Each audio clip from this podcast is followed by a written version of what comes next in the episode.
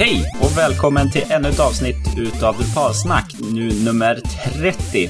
Ikväll ska vi prata om språksajtsupplägg, hur vi jobbar med multilingual. Och med mig så har jag Adam, hallå hallå. God afton, god afton. Och jag även Fredrik. Mm. Hejsan på er.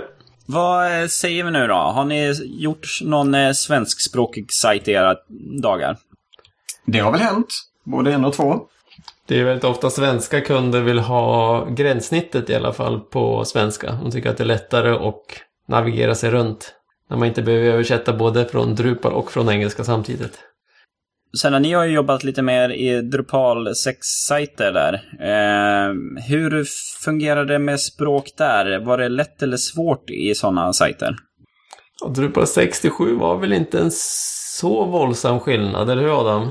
Ja, jag får nog ge lite mothugg. Jag skulle nog säga att de Drupal 6-sajterna som jag har haft eh, och pysslat med och där det har varit språkstöd så har det i alla fall strulat mer än vad det har gjort i, i sjuan. Nu ska man ju inte bara koncentrera sig på att det strular men det, när det blev lite mer avancerade lösningar med panels och views och sökmotoroptimering och sånt så var det mycket lättare att lösa sånt i sjuan när det kom till samma, samma problemställning. Kanske var gränssnittsdelen som jag mest jobbat med så då det är ofta innehållet som är det mer... Ja, precis. Den gränssnittsdelen är ju ingen större, större skillnad. Den är ju, den är ju klockren. Men eh, om man ser till innehållet så, så eh, har det varit mycket enklare att få det att fungera i sjuan. I sjuan då, eh, ja, om jag säger så här, så här brukar jag översätta mina sajter och sen så får ni komma med er input, hur ni tycker att eh, man ska översätta det hela. Jag brukar ju helt enkelt gå in i Drupal och eh, ladda ner dels modulen Internationalization, eller I18N. Plus laddar man ner Localization Update. Eh, L10 eh, Update har jag för mig den heter. L10N. LTN Update. Ja. Och LTN Update, Localization Update, ser ju till att ladda ner översättningar och sedan så har man Internationalization som fixar till lite saker. Och sedan går man in i, eh, i Drupal och sen lägger man till ett till språk och sen står det något toktankar, svenska översättningen. Man väljer standardspråk svenska och sedan så har man kommit en bra bit på vägen. Eh, då kan man sen börja översätta vissa noder som finns, eller vissa sådär, strängar som inte är översatt i, eh, i gränssnittet. Så då går man in under configuration där och sen sätter man översätt på de strängar som saknas. Så brukar jag göra. Och då har man gränssnittet på svenska. Ja, jag får nog säga plus en på den. Det är så jag gör. Ja, precis. Localization Update var ju otroligt smidig man får den. Eh, det jag kanske brukar lägga till är Localization Client. Som heter eh, L10N underscore client. Om det är så att eh, slutanvändaren behöver översätta mm, lite strängar här och där på, på sidan. Då får man med L10 Client så får man en JavaScript-baserad editor längst ner på skärmen så man kan direkt där översätta olika ord som man ser på i webbläsarfönstret på den sidan. Ja, det är ju inte bara för slutkunden skulle jag vilja lägga till, utan det är ju lika mycket för utvecklaren som istället för att behöva gå in under konfiguration, mm. lokalt språk och översätta så kan man ju göra det då och där. Funkar det bra, tycker ni? Jag, eh, det strulade för mig sist jag körde den och sen så körde den aldrig mer. Jag tycker det fungerar bra. Det, den brukar jag också klämma in när det är, när det är språksajter. Jag har den ofta bara under uppbyggnaden av webbplatsen. Sen när man väl kommer igång så tar man ofta bort den. Och det är ju så jag översätter själva huvudsajten. Sen kommer man in i själva innehållet när du ska ha en tvåspråkig sajt. Och eh, där eh, har jag upplevt att det finns två vägar man kan göra det hela. Och den ena är att man utgår ifrån en nod som har eh, fälten översatta. Så att man har till exempel om oss och så har du eh, typ samma titel fast fälten är olika beroende på om det är svenska eller engelska.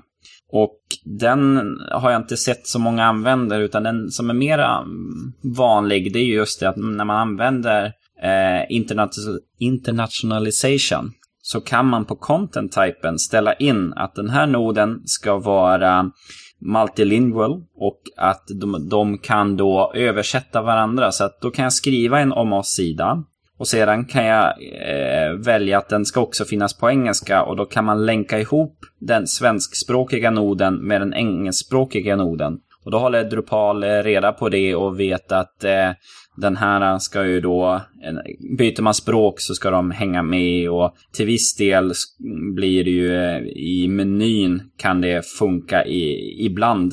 Och sen så blir det ju vyer, de kan oftast man har tvåspråkig eh, fast man har ett filter beroende på användarens nuvarande språk så hittar man rätt eh, noder då. Och det är väl så jag brukar göra. Och sen så får man fixa lite här och lite där och sen så får man Ja, man får se så att allt är översatt. Mm. När man har, i de fall när det mesta av innehållet ska finnas på ett, på två eller flera språk. Då har jag också kört den där att man kör eh, Eh, översättningar på noden och låta eh, Internalization-modulen hantera det. Men ett ganska vanlig lösning för många webbplatser som jag byggt är att det ska finnas en handfull sidor på engelska. Man har bara någon, en liten, liten del av innehållet, man har någon omsida och någon kontaktsida och lite sådana saker som man vill ha på engelska. Eh, och då brukar jag bara, mm, då skapar man bara ett antal noder med kanske en, en sökväg som är en snedstreck någonting. Så bygger man upp de sidorna manuellt bara som helt vanliga noder som är på engelska. En liten fuskvariant. Ja, men det är ju när det är bara en, en liten del av innehållet som ska vara på engelska. Men mm. majoriteten är på, på svenska eller något annat språk. Ja. Men är det så att det mesta ska översättas så är det absolut internationalisation och nodhanteringen man kör. Mm. Men en slags eh, pseudo-multispråksajt. Mm. Det är ganska ofta tycker jag stöter på det ändå, att man vill ha något lite grann på engelska sådär. Och eh, sen då man jobbar med två noder, en på sväng, engelska och en på svenska, så finns det ju någonting det här med eh, synchronization, eh, synchronized translation. Eh, det är ju att man på en content type, när man eh, redigerar den, så kan man ställa in vilka fält som ska synkroniseras mellan noderna och mellan eh, språken. Och eh, typiska är ju att om man har en nyhet som man skriver både på svenska och engelska, men du har en bild till det, då vill du att det ska synkas mellan översättningarna. Så ändrar jag på en nyhet, ändrar jag bilden där, ska den slå igenom på de andra eh, noderna. Och då behöver man den modulen och sedan så eh, bara bockar man i vilka fält ska synkroniseras. Det har jag använt och jag tycker det har funkat väldigt bra. Ah, vad smart. Den kände jag inte till faktiskt. Det, det är en del utav uh, internationalization-modulen. Ja, I18N. I18N. Jag tror vi håller oss till det. Uh, ja. Det är ett väldigt långt ord. I18N. Ja, nej, och då kan man ju säga det är ju allt ifrån author och status till sticky, men till varje fält. Bilder, body, eh, taggningar, term reference alltså och entity reference och sådana saker. Sen, en sak som jag tycker har strulat mycket, det är menyn. Kan ni, eh, känner ni igen det? Definitivt. Oh ja. Det är väl eh, en av akilleshälarna. Vilken, vilken lösning brukar ni oftast välja? Har ni två olika menyer eller försöker ni ha en med eh, något mix? Jag har nog ofta hamnat ha helt separata menyer. Samma här faktiskt. Det, man har lärt sig att det, det strular. Så att jag tror någon, eller jag ska säga så här att på min egen sajt som är eh, multispråksajt så har jag faktiskt en meny. Men å andra sidan har jag fyra menyposter. Så att den är så enkel så där funkar det. Men eh, det är många gånger som, som det har strulat med de här menyerna. Så att eh, det, det slutar oftast att det blir separata menyer ändå. Ja, ja. Titta bara på vår egen sajt. Och där har vi, vi har en meny men vi har de fyra länkar vi har finns i två uppsättningar. En gång på svenska och en gång på engelska. Mm. Och det är ju det, då har varje menu item kan man ju sätta språk på. Och det går ju att sätta dem språkneutral och sedan låta Drupals eh, translate-del översätta just den strängen. Och då utgår man ju från att den URL man går till hanterar båda språken. Och I vissa fall fungerar det, men jag, ja, jag börjar nog också luta åt att man, man håller sig till två olika menyer och sen är det upp till administratören att se till att menystrukturen är synkad. Att man har om oss på samma position och så. Men vad tycker ni överlag då om Drupals översättningsstöd i, i, som CMS-system? Jag tycker det är bra. Jag har suttit, eh, och nu ska jag dra några andra CMS i skiten här. Jag har ju suttit med Joomla, visserligen äldre versioner av Joomla. Det är Joomla 1.0, 1.5 och eh, och någon 2-sajt också. Jag har suttit med Wordpress och eh, det funkar ju mycket, mycket bättre i Drupal. Det, Joomfish för Joomla är ett sånt härke att jobba i alltså. Det är helt Nej, jag, jag, jag, vill inte ens, jag vill inte ens prata om det. Så att eh, jag skulle bara säga att det är, även om det finns utrymme för förbättringar i Drupals språkhanteringssystem så det ligger bra mycket bättre till än både äldre versioner av Joomla och nya versioner av Wordpress skulle jag säga. En styrka i Drupal tror jag också är att man har den här sajten, den går man knappt in på längre, den här localize.drupal.org. Eh, det är den eh, webbplatsen som eh, Localization Update går till för att ladda hem uppdateringarna för olika mm. moduler och för core och sånt.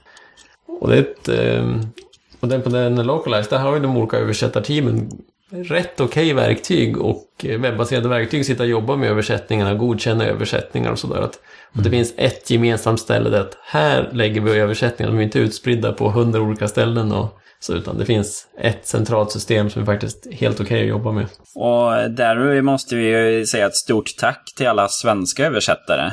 Vi, eh, som har fixat ordning det hela. Jag vet att det har varit upp lite grann i group som att eh, hjälpa till lite grann mer i det hela. Och alla som är språkintresserade och vill hjälpa till att översätta gränssnittet så eh, ta tag i det hela. Det är, det är ett jättebra arbete att göra. Och även om det kan vara ganska enkelt att tänk och så här, översätta en sträng så är det så grymt användbart för alla som installerar en sajt i Sverige. Mm. Och med den här Localization Client så kan vi sätta upp om man har eh, det är nog ett tag sedan nu, men jag hade en klient som satt och översatte en del saker. Och hade varit lite anställt folk och kunde översätta. Och då sätter jag upp så att Localization Client kunde skicka upp det direkt till eh, localize.drupal.org och så de automatiskt hjälpte till och bidrog med översättningen för alla andra också.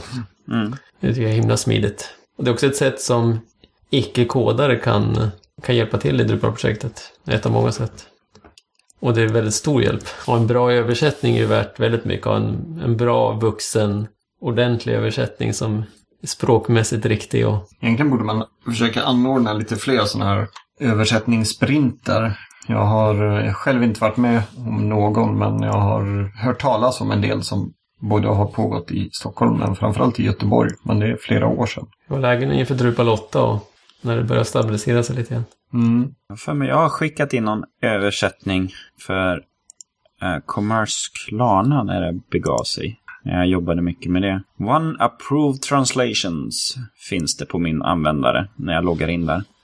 Men jag kan inte se vad jag har gjort för någonting så att jag kan inte... Har lite claim to fame där. Det är också smidigt att man på den här localized Drupal.org, där, och precis man på Groups Drupal.org, att man loggar in med sitt vanliga Drupal-konto. Mm. Förr i tiden fick man gå dit ganska ofta, för då fick man gå dit och ladda, ladda ner eh, språkfilerna för, eh, för Drupal Core och för, för varje modul man hade. Och ladda in den manuellt, men nu sköter Localization Update helt, det helt automatiskt. Det som är intressant nu med eh, Drupal 8, det är ju att man bygger ihop stödet ännu mer också. Så redan när du börjar installera Drupal så kan du välja språk och om du då väljer svenska under installationens första läge, då kommer installationen gå till eh, Localization Update och ladda ner den svenska översättningen för installationsflödet. För tidigare var du ju tvungen att ladda ner språket tillsammans med Drupal Core för att kunna ha installationen på svenska. Men nu kommer den bara hämta hem det. Det är väl typ Localization Update som man har byggt in i Drupal 8 och förbättrat den. Ja, Um, det märker jag också jo. att när man installerar, när man har webbläsaren inställd på svenska och installerar Drupal 8, då, ehm, då, då, känner den av att eh, webbläsaren säger att svenska är språket jag vill ha i första hand. Och så blir installationen på svenska, om man inte väljer engelska manuellt, eh, så blir det på svenska rakt av för svenskar. Och jag tycker det är jättebra för alla som är nya till Drupal att ha det på svenska. Även om eh, det blir lite svengelska här så är det väldigt bra för nybörjare. Mm. Det finns ju många andra länder där, i Sverige är vi ändå hyfsade på engelska. Men det är många länder där det inte är så. Vi helt klart förbättra användandet av Drupal i massa olika länder. Mm. Snyggt gjort. Och sen i Drupal 8, man har ju ett initiativ eh, för just språkdelarna. Eh, och det är ju vad jag har läst om det hela, jag kan ha lite fel, men det är ju, man har ju mycket fokuserat på att språk ska nu vara mer grundläggande i datalagringen. Så entities har språkstöd mm, och fälten till dem har bättre språkstöd och API när du jobbar med eh, entities ska vara mer språkinriktade, det ska vara enklare att jobba med språk. Och eh, just det med att man har den här eh, automatiska byggd inkopplingen till Localization Update är ju också jättebra.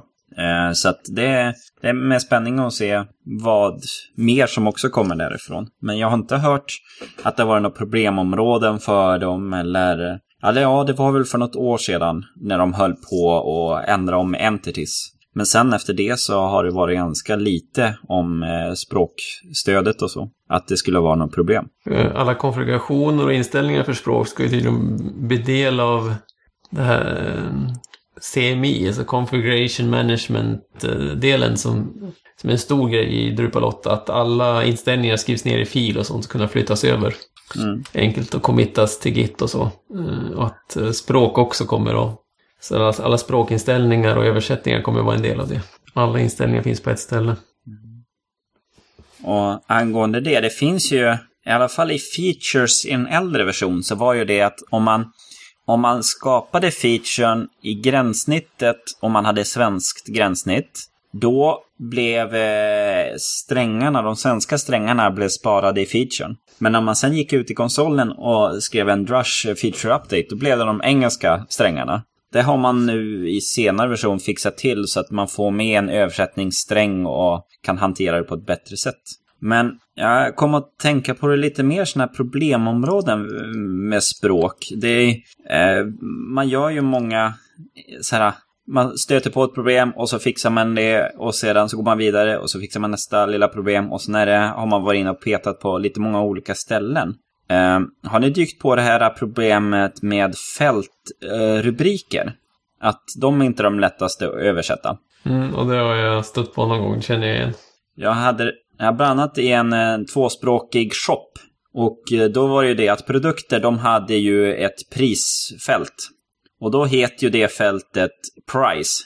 Och sedan när man ska visa det i GUIT, eller för slutanvändaren, då kan man ju säga ja men visa rubriken ovanför innehållet under hantera visningar.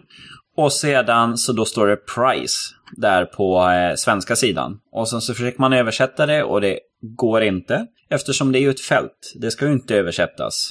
Uh, men det finns, vad är det, string uh, translations eller något sånt där eh, kan hjälpa till med det hela. Så att det går att fixa. Men det, det har varit ett problem just när man exponerar ut fältrubrikerna i, och inte bara har dem som en administrativ titel. Sen har jag ju det här med um, Eh, hur brukar ni göra med administreringsspråket? Eh, kör ni det på svenska eller kör ni det på engelska? För user rätt så ser jag till att det alltid är på engelska. För annars hittar jag inte någonting själv. Eh, jag skulle nog säga att vi har det på svenska eh, på Kodamera och eh, även privat kör det på svenska. Annars hittar jag inget.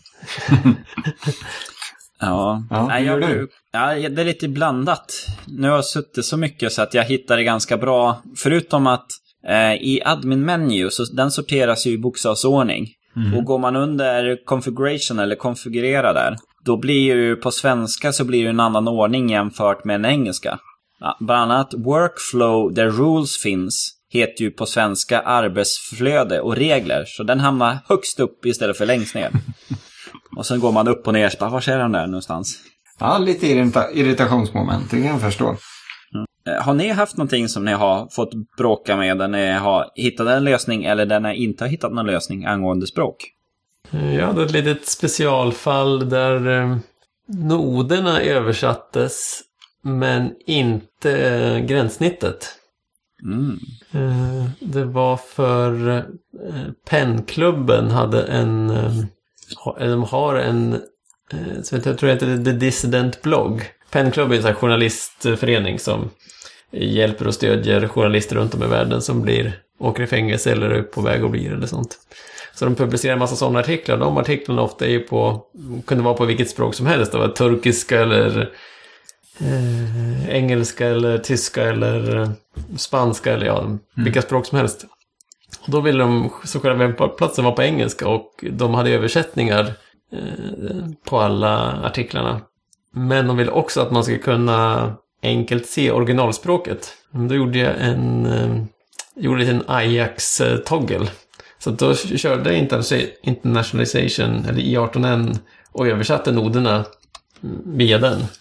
Men det andra språket visades aldrig, utan det bara låg i databasen. Så fick man ha en Ajax-toggle som kunde toggla fram orig- original language. Ja, ja. Det hade ju kunnat vara rätt så användbart att ha. Speciellt när det är just översättningsvarianter där. Mm. Och det är lite ovanligt att, man, att gränssnittet inte skulle översättas. Utan att bara innehållet. Men det gick att lösa det också. Det blev riktigt snyggt faktiskt. Nej, för annat fall så går ju det också om man har språkigenkänning baserad på URL. Och sen så går det in på typ svenska slash node slash en engelsk eh, ID-nummer. Så kommer du ju få den noden på engelska men gränssnittet blir ju svenska eftersom du har slash sv i eh, URLen. Ja. Mm. Men då finns ju den här modulen eh, Global Redirect har jag för mig. Den, det är nog den som gör det hela. Ja, den gör det. Men du har även i, i 18N eh, så finns det ju en som heter Translation Redirect. Jag satt just och tittade på den. Den är inte aktiv i min installation medan Global Redirect är det. Så jag vet inte ifall de gör samma, samma sak.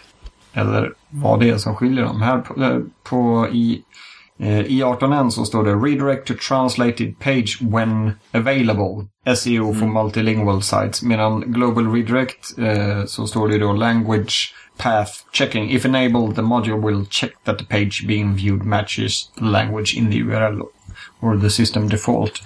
Um, for example, viewing in French node while the site is in English will cause a redirect to the English node. Hänger inte riktigt med på de exakta skillnaderna där. Men Global Redirect, är inte den mer också? Om man går in på Node 1, 2, 3 och det finns ett alias. Hoppar, kommer man inte in på aliaset också då? Jo, precis. Eh, Global Redirect har ju, har ju massa andra små nyttigheter i sig. Så att det är ju en av modulerna som borde finnas med eh, i alla, alla profiler för att verkligen kunna hjälpa till och se att det blir bra. Dock är jag inne på Global Directs eh, projektsida. Och eh, de så här, söker ju eh, co-maintainer och sista releasen är från 2012. Dev eh, har gjorts i se- september 2013. Ja, ja. Så att eh, det känns ju inte jättebra. Ehm, Men används på över 150 000 webbplatser. mm. Den har funnits med ett tag så jag skulle tro att den är hyfsat stabil. Det här med språkigenkänning, har, eh, där har jag ju stött på ett problem. Och jag har inte hittat någon bra lösning än. eh, För att eh, det är helt enkelt som så. Om man surfar in på en sida så vill ju jag att svenska ska vara standardspråket. Eh, som användaren ska få titta resten av sidorna på. Men jag vill ju att samtidigt eh, eh, att eh, engelska ska ju ändå vara, nu ska vi se, det ska ju, engelska ska ju ändå vara Drupals standardspråk medan användaren ska komma in på det svenska. Och då blir det en konflikt där. För att den, eh, den går ju efter Drupals default language. Eh, och inte på något annat. Och jag har inte riktigt fått det att funka på ett bra sätt. För vi har en eh, blogg bland annat. Eh, och där vill vi ju det att när vi, om vi skapar till exempel en vy eller man skapar eh, annat innehåll så då utgår man ju från engelska. Så att eh, när saker och ting, till exempel eh, skapar man en- en meny som ska översättas så ska ju man ju skapa den på engelska och så översätter man till svenska. Så därför blir ju standardspråket engelska. Men jag vill ju att användarna ska kunna ha den eh, sajten på svenska. Och har jag inte angett någonting, då ska jag komma in på svenska som standard. Eh, men det, jag har aldrig fått det riktigt att funka på något bra sätt. Det finns en modul som heter, heter Language Fallback eller något sånt där. Är det något, har, känner ni igen problematiken? Ja, jag håller på att leka, men det finns ju olika detection methods som man kan köra. Man kan köra på URLen, på session, eh, på det språk som användaren har ställt in, på vad webbläsaren är inställd på och så på det förvalda språket. Eh, Men det måste säga, det enda jag har använt är att gå på URLen, att man har alltså ett SV och EN i... Och jag, men det var då länge sedan som jag testade med det där. Mm. För går man på, på browser, på webbläsaren, eh, eftersom normalt om man har som i, i O- OS 10 så i alla fall så har man ju, om man har svenska inställt så blir Safari också inställd på svenska och skickar iväg till alla sidor man besöker att finns det någonting svenska på er sida så skicka det. Eh, Och det är därför Drupal 8 som förvar blir på svenska när man installerar det. När man har en svensk webbläsare. Eller en webbläsare inställd på svenska. Men jag vet att det var, det var strul att få till det. Att man hade man för många av dem där så de... Men det kan ju ha varit i Drupal 6 till och med jag testade det där.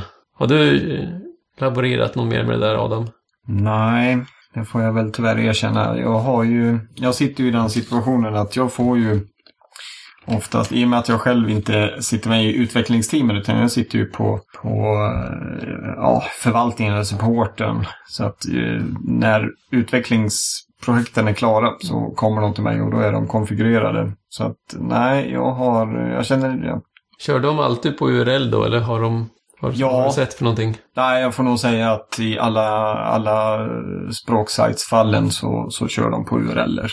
Men kör ni olika domäner för olika språk eller kör ni med olika underkataloger? Både och skulle jag vilja säga. Det har varit med om, om eh, båda varianterna och det har varit eh, prefix och suffix när det kommer till domännamnet och helt olika domäner. Det har lite berott på om de har varit lediga eh, och inte eh, alltså lediga att köpa i de olika länderna. Så att jo, vi har haft eh, två, två sajter som det har varit fem, sex olika språk. Men det är ganska fascinerande ändå med Drupal. När du kan bara säga okej, nej men jag ska ha språk beroende på domän. Eller språk beroende på underkatalog. Och det bara funkar. Mm. Ja, nej, absolut.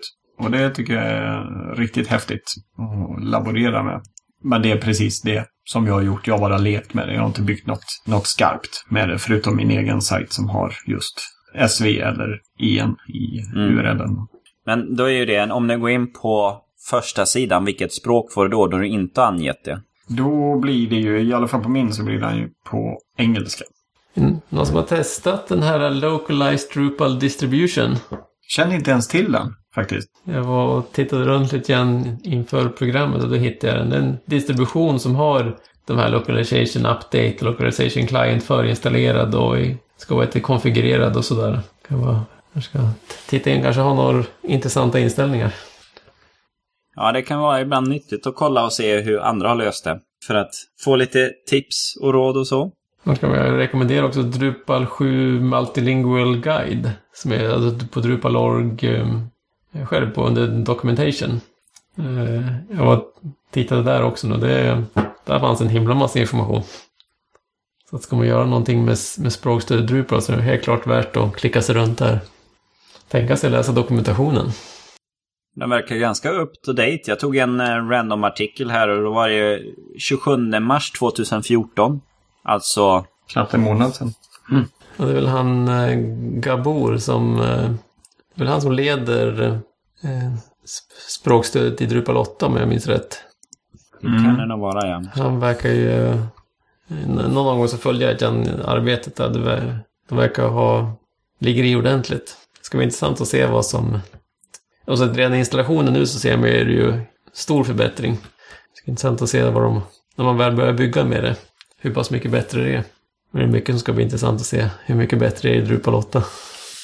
Det, jag läste ju en tweet, jag tror jag har sagt det i något tidigare Drupalsnack, eh, ifrån Gabor, eller Gabor, eh, där han och det här är hyggligt länge sedan, det är i alla fall mer än ett halvår sedan, där han förklarade att idag, då Drupal 8 var där, när han twittrade detta, så var det bättre språkstöd än vad det var i Drupal 7 med alla de här modulerna som vi har snackat om installerade. Så att de har gjort ett ordentligt eh, ett ordentligt jobb med eh, Drupal 8 för att verkligen se till att det funkar bra. Det ska bli riktigt intressant att se. Mm.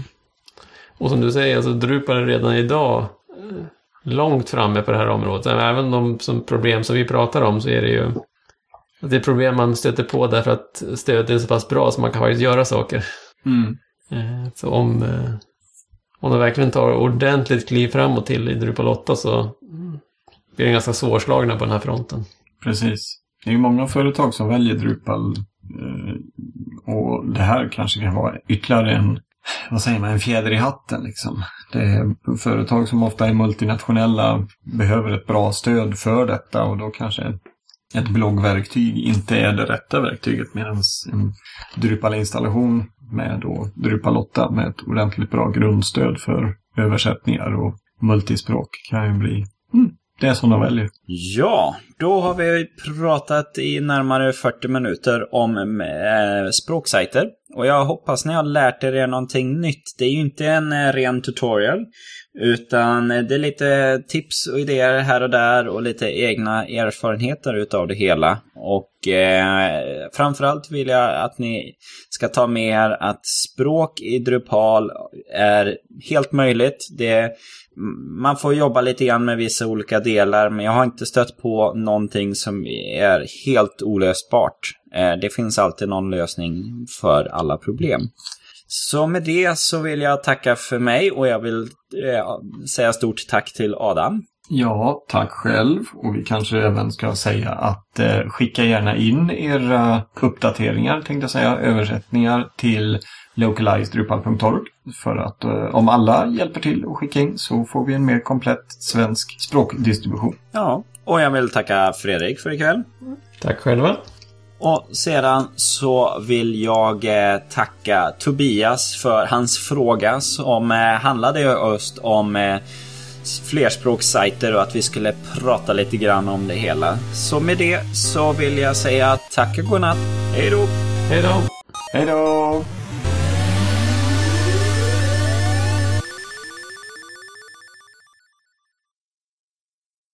Det var kvällens avsnitt. Då kan vi prata om vad vi vill nu då. Ja, Mm. Äntligen fria.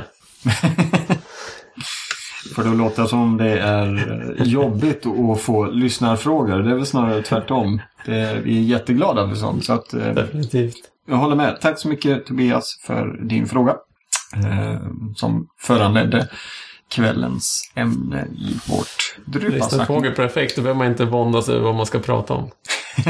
ja, vi, jag tycker faktiskt att vi har rätt så många idéer framöver här. Men eh, det är ju i och med att om man kan få det ifrån lyssnarna så finns det ju ett behov istället för att vi ska gissa något behov. jag tänkte på det nästa avsnitt. Eh, kanske ska prata lite grann om det här köpta temat. Ja, Om det inte dyker upp någon läsarfråga vill säga. Vi kan hålla det lite öppet. Mm. Eller lyssnarfråga för den delen. Mm. Mm. Men nu ska jag inte märka ord. Ja. Nej. Nummer 30, gubbar. Nu har ni gjort 30 avsnitt av det här. Ja, tänka sig. Ja. Jag är uppe i 29 fortfarande. Jag var inte med i första. Så jag, jag, nästa, om två veckor, då jäklar, då ska jag ut och fira efter det jag spelat in. Då tar jag en Men- hel kväll på stan. Men jag tror nog egentligen, har inte Fredrik varit borta något avsnitt? jo, jag har varit borta. Jo, just det. Du hade problem med rösten där. Ja, Du var förkyld. precis. Så det stämmer. Det stämmer. Ja. Och sen, eh, hur var det med... Och Kristoffer har gjort lite nyheter så han ligger långt före oss. Ja, Ja. precis.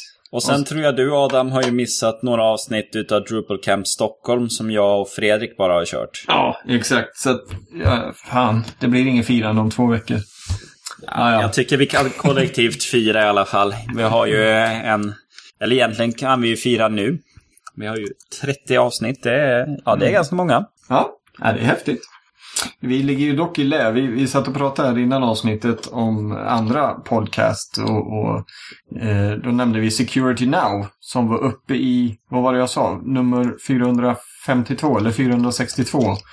Något, något sådant. De har hållit på i snart tio år. 2005 kom eh, första podcastavsnittet. Så vi, vi ligger lite i lä kan man säga. Och de kör ju varje vecka också som du sa Kristoffer. Mm. När ska vi kunna spela in ett avsnitt live tillsammans då? Ja, det blir väl på eh, camps och cons skulle jag säga. Ehm, Med live-publik kanske? ja, Ja. Det är mycket, mycket möjligt skulle man kunna säga. Det, det är ju lite långt emellan oss. Ni, ni har ju, jag ska inte säga att ni sitter bredvid varandra för det gör ni absolut inte. Men, men det är ju en, en geografisk skillnad mellan oss tre.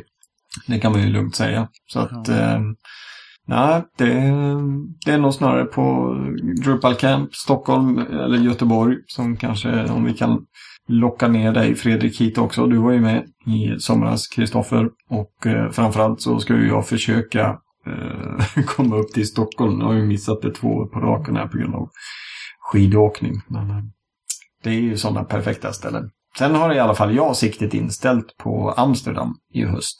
Och det vet jag att vi har pratat om innan att ni gärna vill åka på också. Mm. Så det är ju ett, ett bra tillfälle annars. Ja, nej men just det med avstånd här nu. Jag och Fredrik hade ju funderat på att ses och köra en Drupal norr-träff. Vi har inte bestämt någonting än, men jag kollade upp det hela och det är ju, det är ju tre timmar med bil till Östersund och då vill man nog ha lite mer än en kvällsträff. Eh, utan en dag kanske. Jag har inte funderat på att köra en lite större då? Alltså göra ett camp där uppe. Ibland så har jag funderingar på det hela. Eh, eller göra någon sån två dagars eh, del eller så. Eller jag kanske gör en hel dag, men... Fick Ja, höra från vi- stockholmare som tyckte att eh, vi skulle lägga upp i Åre så man kunde få en eh, avdragsgill eh, skidsemester.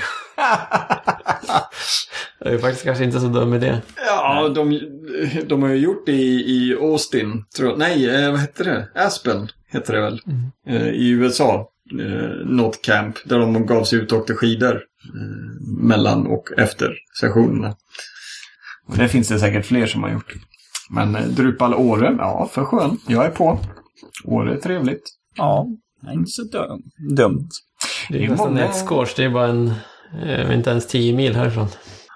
Det, det finns många sådana här coola idéer. Köra som social, vad heter social webcamp Sweden som de hade på en ö. Bara ge sig ut och tälta och, och snacka internet och webb och sånt. Det har jag också nämnt i, i Drupal-sammanhang. Att man skulle ta med tält och så åka ut och, och sätta sig på en ö en helg och bara snacka Drupal. Helt utan täckning. Och alla kommer bara, men du, den här modulen, eh, vad hette den? Eh, jag kan inte googla upp den heller, men ah, ja. Jag har bara 2% kvar på min. Kan, kan det någon mer som har? Ja. Nej, det får väl ske under lite, men, lite andra former. Men köra någon sån unconference-grej. Mm. Ja, det hade varit skoj att göra. finns så mycket idéer så lite tid, Mm. kan man säga. Ja, har ni gjort något trevligt i veckan då?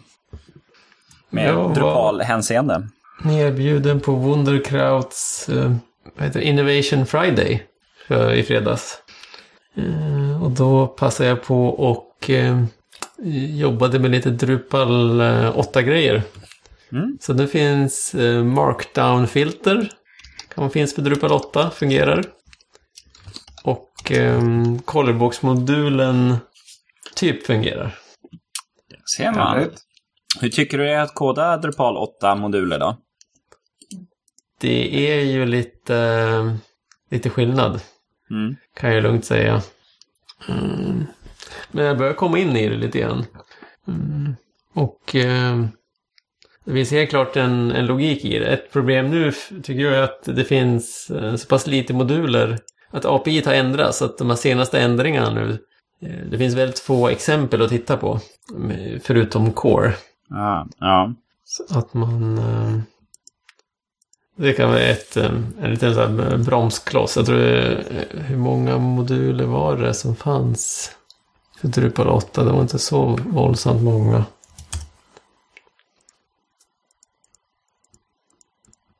Eh, drupal 8 Search. Apropå de har gjort om hur, ehm, När du var inne på localize.drupal.org så fick du ju fram att du hade en godkänd översättning. Ja. Var, var hittar du det? På min profil eh, så gick jag bara till eh, där logged in as och sedan så stod det Localization Contributors. Ah, Sweden där. one. Ja, ja. Schysst. Jag, Hur många har du då? ja, jag har faktiskt två. Dubbelt så mycket som mig. Du har legat i alltså. Jag vet inte ifall det var någon som tänkte på det, men jag blev lite tyst i samma veva där. Det var för att min dotter kom insmygande och, och började fråga om hon kunde få ett glas mjölk och att hon kunde inte hitta sitt gosedjur. Jag är ensam med, med tjejerna här, för min fru är ute på galej med jobbet. Så att plötsligt så, så total kraschade min simultankapacitet. Så jag fick bara stänga, stänga av lurarna och lyssna på min dotter. Annars hade jag nog kunnat glänsa lite mer i, i själva programmet. Nu fick det komma i eftersnacket. Men två stycken, fan jag tycker jag har skickat in jättemånga. Men de ska ju godkännas också. Inte Ja. massor med Ödö, Kalle, Ada, Ja, Goeller. Mm. Har visserligen, vi, vi har faktiskt en, en gemensam användare för Kodamera. Så allt, alla strängar som vi översätter i våra projekt, det går ju in under den användaren. Mm. Vi gjorde ett sådant initiativ för ett par år sedan. Att, eller något år sedan i alla fall. Att, att bjuda, det var liksom det minsta vi kunde göra när vi satt och, och uppdaterade våra egna distributioner. Att vi kunde skicka tillbaka dem dit. Men eh, då var det så här, ja men vem ska, vem ska vi koppla då? Så då blev det en en Kodamera-användare. Mm. Det var lite, jag ska inte säga kontroversiellt, men det var ju inte bara att, att skapa en, en företagsanvändare. För det går ju lite emot vad riktlinjerna för Drupal.org. Det ska ju finnas en person bakom varje, varje inloggning. Läste vi oss till. Så att jag var tvungen att, fråga, kommer inte ihåg ifall jag ställde frågan direkt till Gabor. Eh, Men det var i alla fall någon av dem som, som basar över det här med localization. Mm. Efter det tog några veckor innan. Och bara, ja, nej men, ja, vad fasen. Ni, ni vill ju bidra. Det vore dumt att, att inte låta er bidra när ni vill göra det. Så okej då. Då Mm. blir det en Kodamera-användare som hjälper till med översättningar. Ja, Jag får lägga på den till imorgon här. Så jag får kolla hur många översättningar som har kommit in och hur många som har blivit godkända. Annars så, Magnus är ju överlägset med 21 207 Mm. translations. Eh, ja, Sen har ju faktiskt min gamla kollega Black Dog som ligger på topp 10-listan. Han ligger på tionde plats. Det är Hans Nilsson. 215 approved. Ja, jag själv har jag börjat på en, eh, ett kortare jobb här nu. Eh, vi ska göra en säkerhetsgenomgång utav en Drupal-sajt. Ah, En sån security audit. Och förhoppningsvis så kommer vi få ta över den. Men vi sätter det som krav faktiskt med kunden att vi vill göra en säkerhetsgenomgång och en systemöverblick. Mm. Eh, där vi genererar en rapport. Mm. Och eh, det köpte kunden helt och hållet. För att eh, den är ju i fasen att byta utvecklare och har ju inte egentligen helt koll själv på vad ens, eller vad systemet kapabel till och hur står det till. Så Ah. att eh, den tyckte jag var jättebra just för att kunna sen gå till styrelsen och säga så här ser vår eh, sajt ut. För det är en software, eller inte, ja det är en service-sajt så att det är lite så en, ett, en tjänst som är utvecklad i Drupal. Så att, eh, ja. Sen kan vi ju säga det till alla våra lyssnare som fortfarande hänger kvar här nu i eftersnack så här långt efter att ni kanske har hört någon skillnad på dagens avsnitt. Eh, vi hade ju ingen inledning och knappt någonting annat utan nu var det ett ämne och så pratade vi det. Eller svamlade det, det beroende på hur, vi, hur bra vi skötte oss. pang på rödbetan sa vi i alla fall. Och det är efter input ifrån våra lyssnare. Eh, vi hade de som tyckte att eh, det här eh, snacket runt omkring är inte egentligen så viktigt utan det kan vi ha i eftersnacket. Och är det något mer du lyssnare som du tycker att vi borde ändra så är det bara att höra av dig. Håller vi hög nivå eller för låg nivå? Är vi för långa eller är vi för korta? Eller är vi alldeles för snygga så är det bara att meddela det. Och hur gör man då? Ja. Info drupalsnack.se eller så twittrar man drupalsnack. Och eh, sen har vi ju våra eh, kommentarsdelar för varje avsnitt där man också kan skriva sina saker. Precis. Och sen kan man också donera pengar till oss. Det glömde vi pålysa lite grann. Eh, det handlar ju om att vi ska kunna eh, vara med på lite mer Drupal-event och suga åt oss lite mer community-delar där. Eh, och framförallt är det ju då att vissa, till exempel DrupalCon, är det ju lite andra eh, omkostnader kring som vi söker sponsorer till. I, och det är ju för Drupals snacks regi som vi söker hela. Inte för egna företag eller några sådana saker, utan det är, det är för Drupalsnack. Och hur gör man det då? Hur gör man det? Jo, går man in på drupalsnack.se om och då finns det en donera-knapp antingen via Paypal eller så har man ett, kan man använda Swish och då är det ett telefonnummer där. Så kan man ringa också om man vill, men helst inte. Utan skicka bara pengar och sen meddelande Drupalsnack. Precis. Och vi är ju jättetacksamma för alla bidrag, stora som små. Mm. Och, och som, som du sa Kristoffer, det här går ju oavkortat till att, eh, att främja vårt drupalistiska leverne, eller vad man ska kalla det. Så att eh, vi kan komma iväg på camps och, och cons och sånt lite, lite enklare och kan eh, leverera nyheter från just de här. Kanske kan du göra ett live, live-avsnitt. Mm. Du sa någonting på eh, nyheterna sist, eh, Kristoffer. Ja, nu ska vi se. Det var ju en för Adam och det hade du ju sett där med eh, er logga från Drupal Camp. Mm, precis. Lite kul att han kommer med. Ja. Och sen så, vad var det Fredrik? Det var någonting mer, kom jag ju på ja. Ja, du hade någonting du tänkte du skulle prata om. Mm, ska vi se, gå igenom anteckningarna. Det var någon eh, paragraphs tror jag. Ja, den modulen. Den har jag inte sett tidigare. Inte jag heller. Eh, jag tycker det var väldigt intressant eh, koncept. Mm, verkligen. Där man då lägger upp paragrafer i, i, sin, eh, i sitt fält. Och då kan ju en paragraf antingen vara brödtext eller en ingress eller ett bildspel eller en YouTube-klipp eh, eller något sånt. Och då stylar man dem var för sig. Och då går det ju att sätta som med bilder att de ska vara högerställda. Och då när man sen kommer in till responsivt så då kan man ju säga att alla sådana eh, paragrafer ska ju bli hundraprocentiga. Så att eh, den ska jag, jag ska ta och testa den någon gång när jag får tid. Har du sett hur jag löser rent tekniskt? När man drar paragraph type. Alltså är det olika typer av fälttyper som... Det är beroende på vilka moduler man installerade så vad kan man välja olika saker där eller? Har man inbyggt Ja. stöd för allt det där? Ja, vad jag förstår så har, nej, de har nog lagt upp några sådana här standardsaker som text och bild.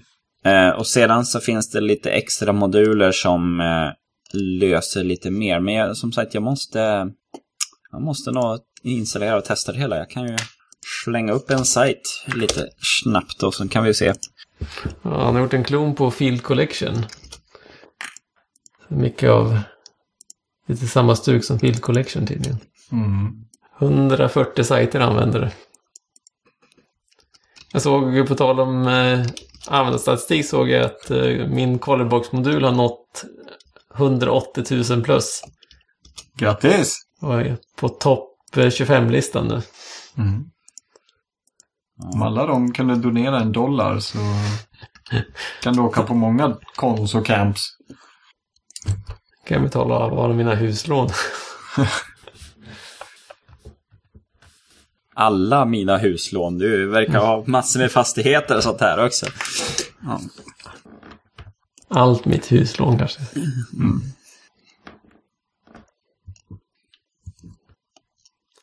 Laddas ner 900 000 gånger. Kanske parten är en miljon. Ja. Alltså jag måste säga att jag... eh, Använder ni sådana lightbox-grejer fortfarande? Eh, ja, ja. Det händer väl, fast då kör vi ju Colorbox-modulen. Alltså att jag använder dem väldigt lite själv. Det är så många användare så jag tänkte att jag tog uppdateringen till Drupal 8 ändå. Mm. Eh, Och man, jag fick ju det var en annan kille som hjälpte till lite grann också.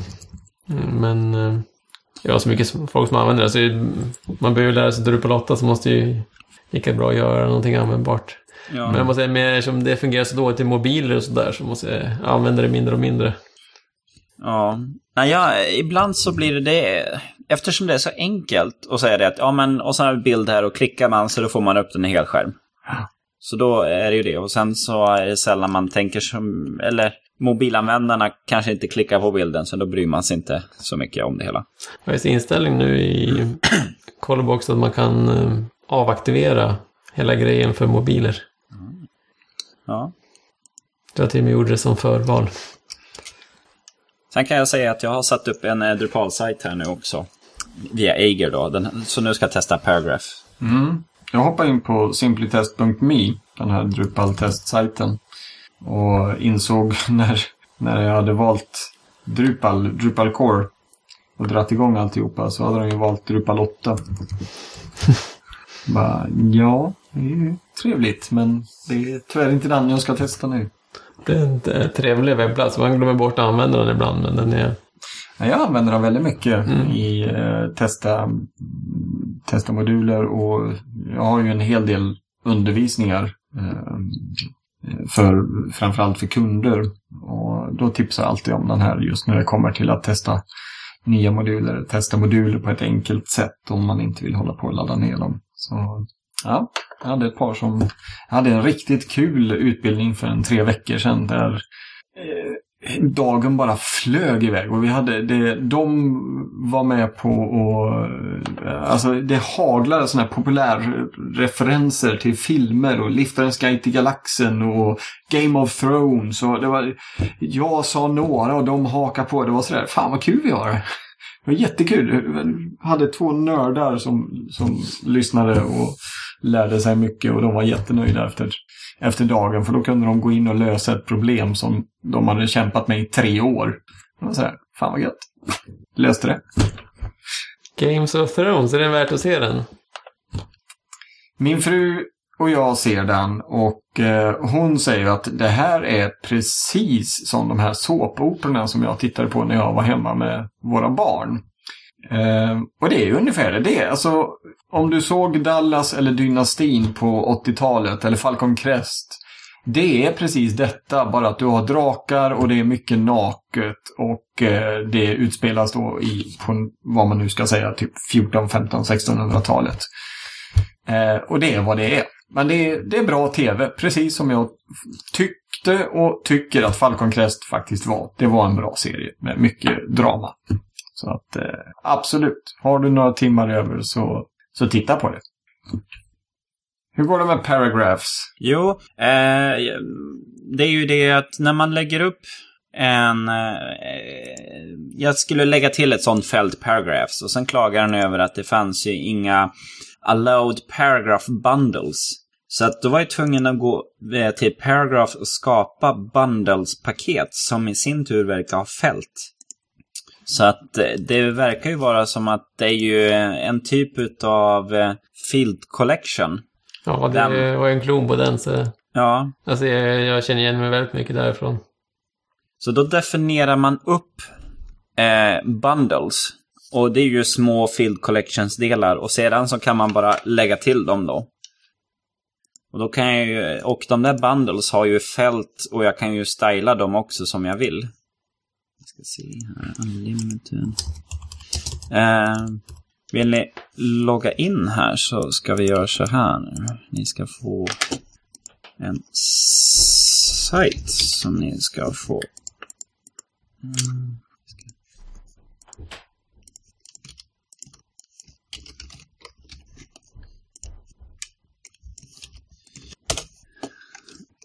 Där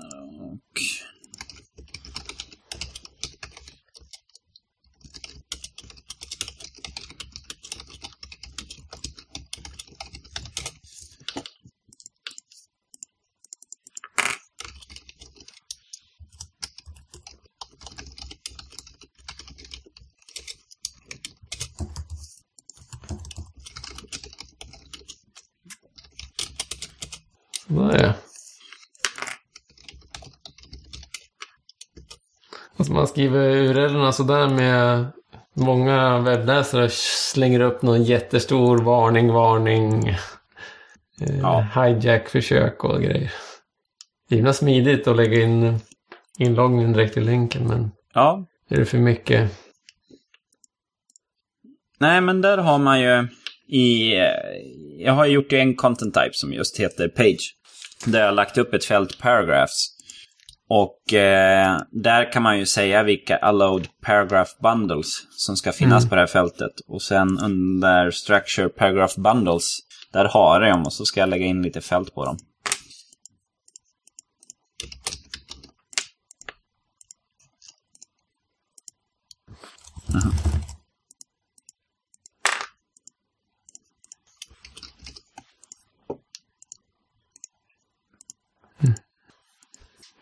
Ja, jag måste ha funderat grann på konsekvenserna av att använda det här. Men det är ju inte helt dumt tänkt. Nu gjorde jag en paragraph bundle som har en paragraf i sig. Det var nog inte det jag tänkte på.